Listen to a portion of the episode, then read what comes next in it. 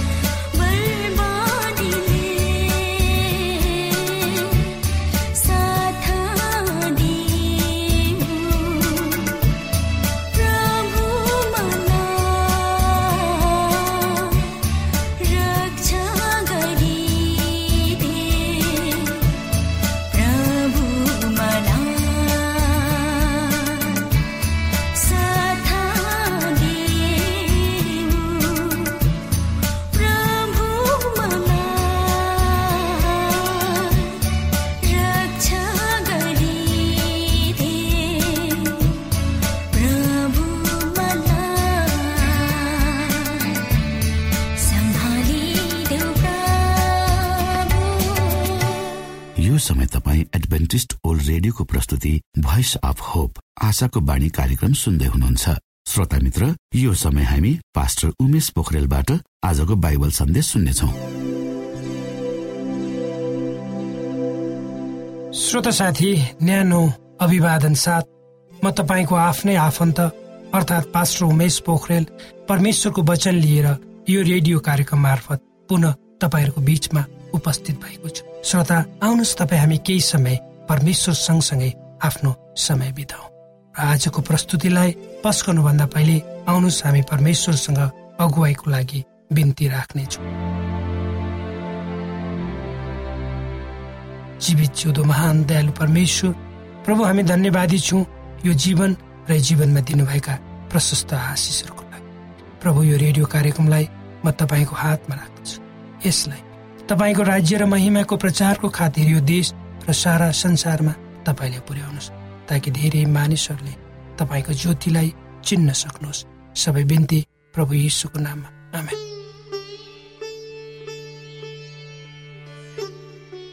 श्रोत साथी त्यो बिहानको खाजा खाने समय थियो। हामी खाना खानै आँटिसकेका थियौँ। अचानक कसैले हाम्रो ढोकामा ढक्ट गरी ढकटकायो मैले ढोका खोलेँ। एउटा मानिस टोकरीभरि आँप लिएर मेरो ढोकामा उभिरहेको रहेछ। त्यो बिहान हामीसँग घरमा पैसा थिएन। यद्यपि हामी फलफुल साग सब्जी त्यही मानिससँग सँगै किन्ने गर्थ्यौँ।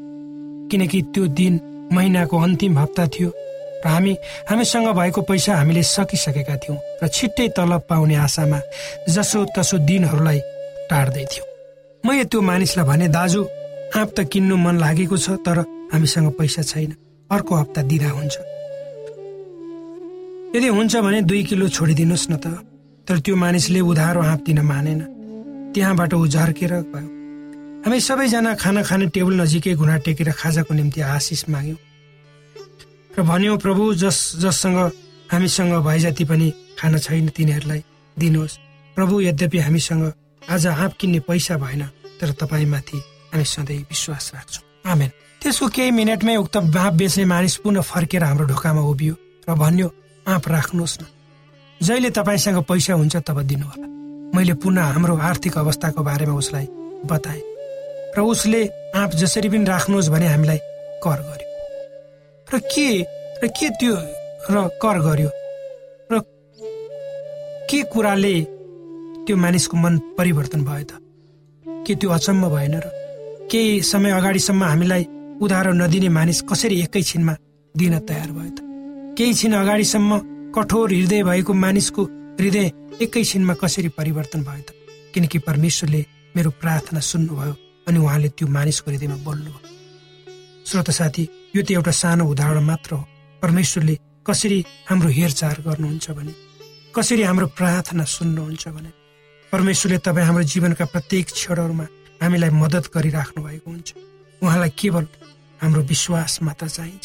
त्यसैले त हबकुप भन्ने पुस्तकको तीन अध्यायको सत्र र अठार पदहरूमा यसरी लेखिएको छ चाहे अन्जिरका रुखहरूमा मुना नलागोस् दागका बोटमा फल नफलोस् चाहे जैतुन रुखमा फल नलागोस् र खोरमा भेडा बाख्रा नभए पनि गोठमा गाईबस्तुहरू रहेनन् भने पनि म परम्परामा रमाट गर्नेछु। म मेरो उद्धार गर्नुहुने परमेश्वरमा रमाउनेछु।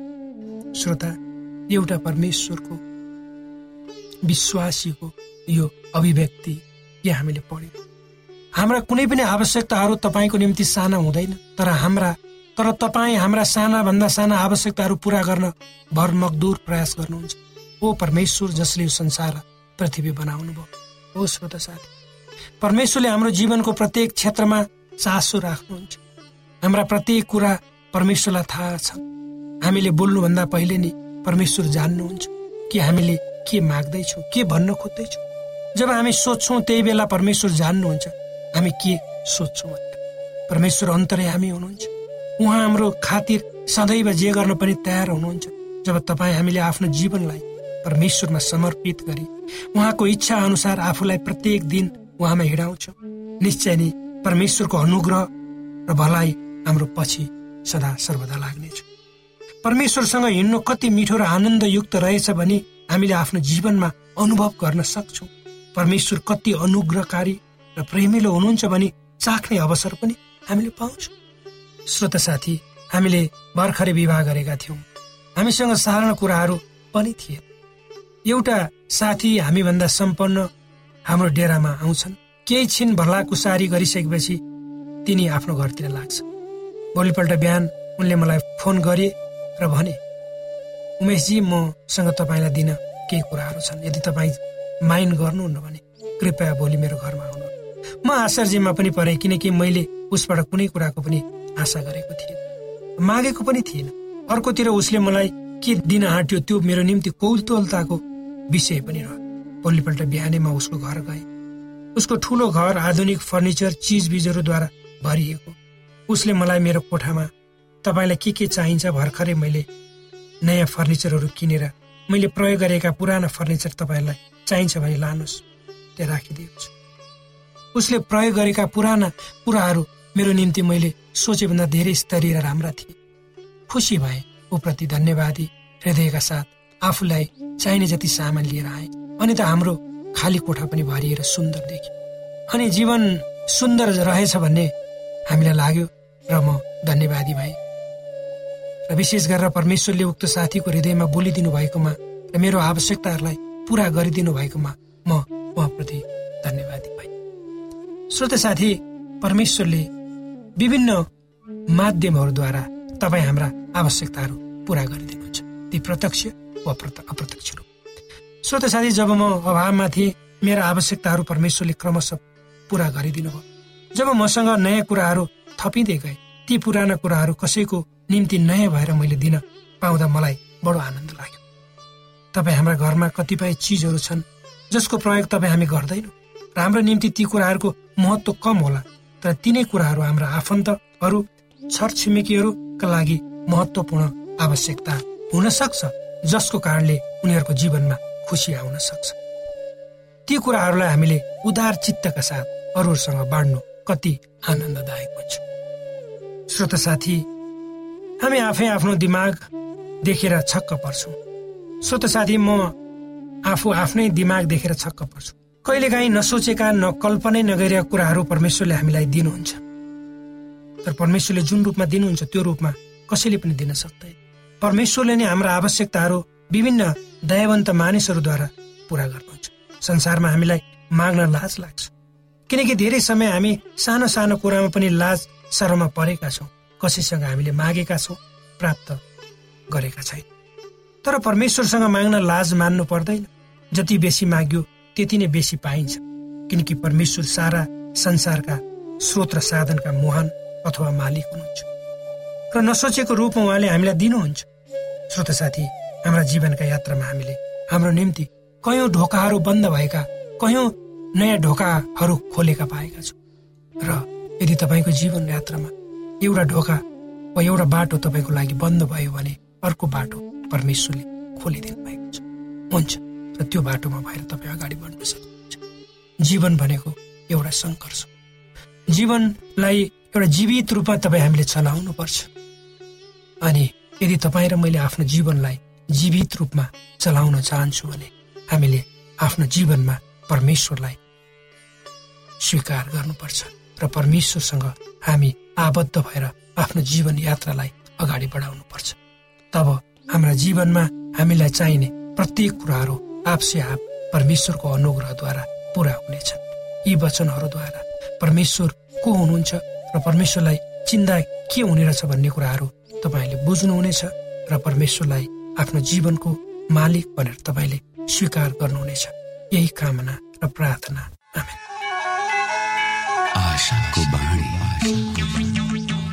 श्रोता भर्खरै यहाँले पास्टर उमेश पोखरेलबाट बाइबल वचन सुन्नुभयो।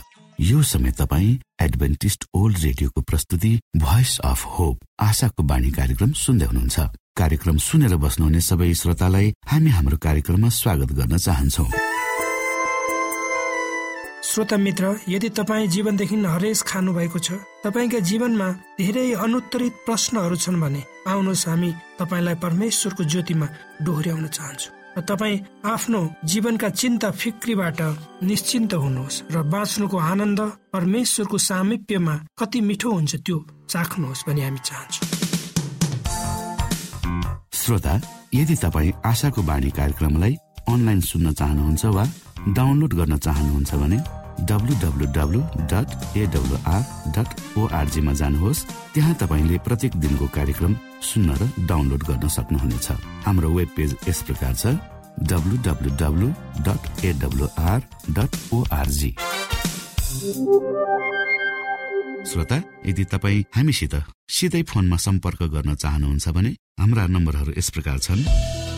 अन्ठानब्बे एकसाठी पचपन्न शून्य एक सय बिस. अन्ठानब्बे एकसाठी पचपन्न शून्य एक सय बिस. र अर्को अन्ठानब्बे अठार त्रिपन्न पन्चानब्बे पचपन्न. अन्ठानब्बे अठार त्रिपन्न पन्चानब्बे पचपन्न. श्रोत साथी म पास्टर उमेश पोखरेल तपाईँहरूको बिचमा एउटा गवाई लिएर उपस्थित भएको छु। गवाईको शीर्षक छ एक अर्काको लागि प्रार्थना?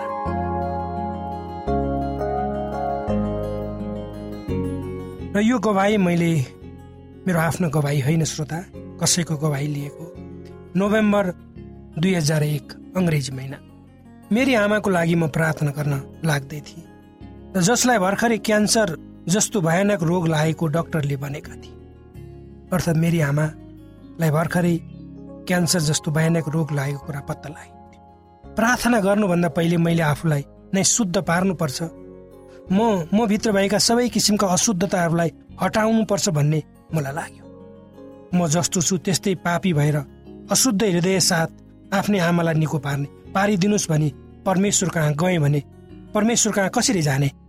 मेरो मनमा प्रश्न उठ्यो। यो एउटा जबरजस्त अनुभव थियो मेरो निम्ति। मलाई थाहा थिएन मेरो प्रार्थनाको उत्तर के हुने हो?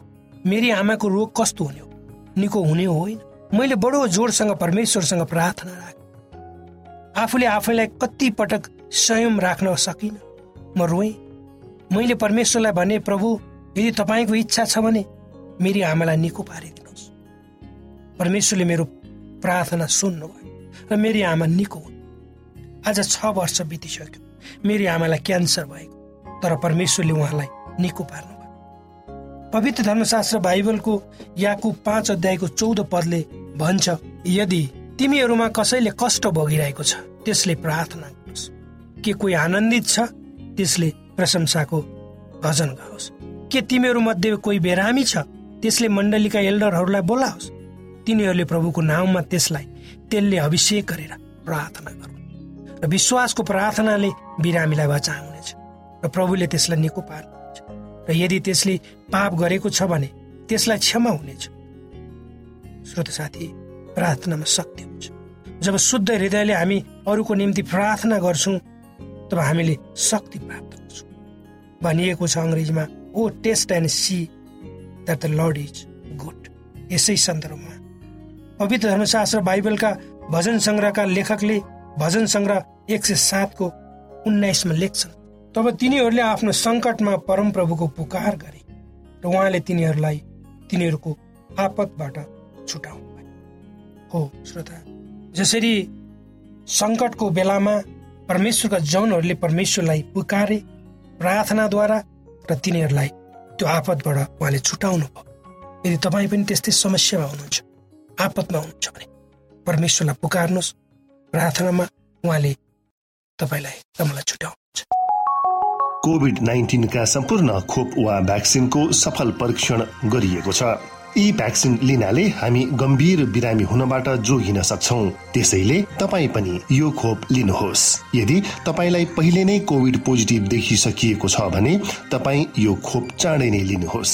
यसो गर्नाले हामी र हाम्रो समुदायमा रोग प्रतिरोधक शक्ति चाँडै नै आउनेछ र हामी सबैजना पहिले जस्तै सामान्य जीवनमा फर्कन सक्दछौ।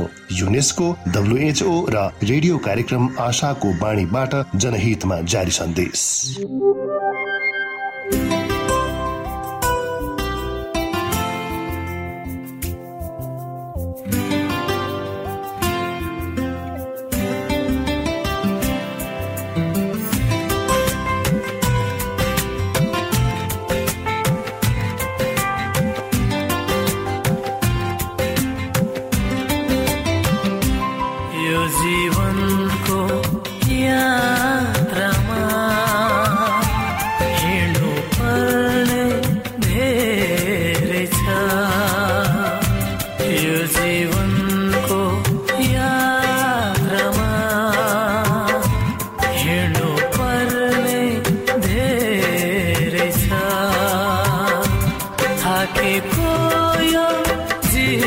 wanna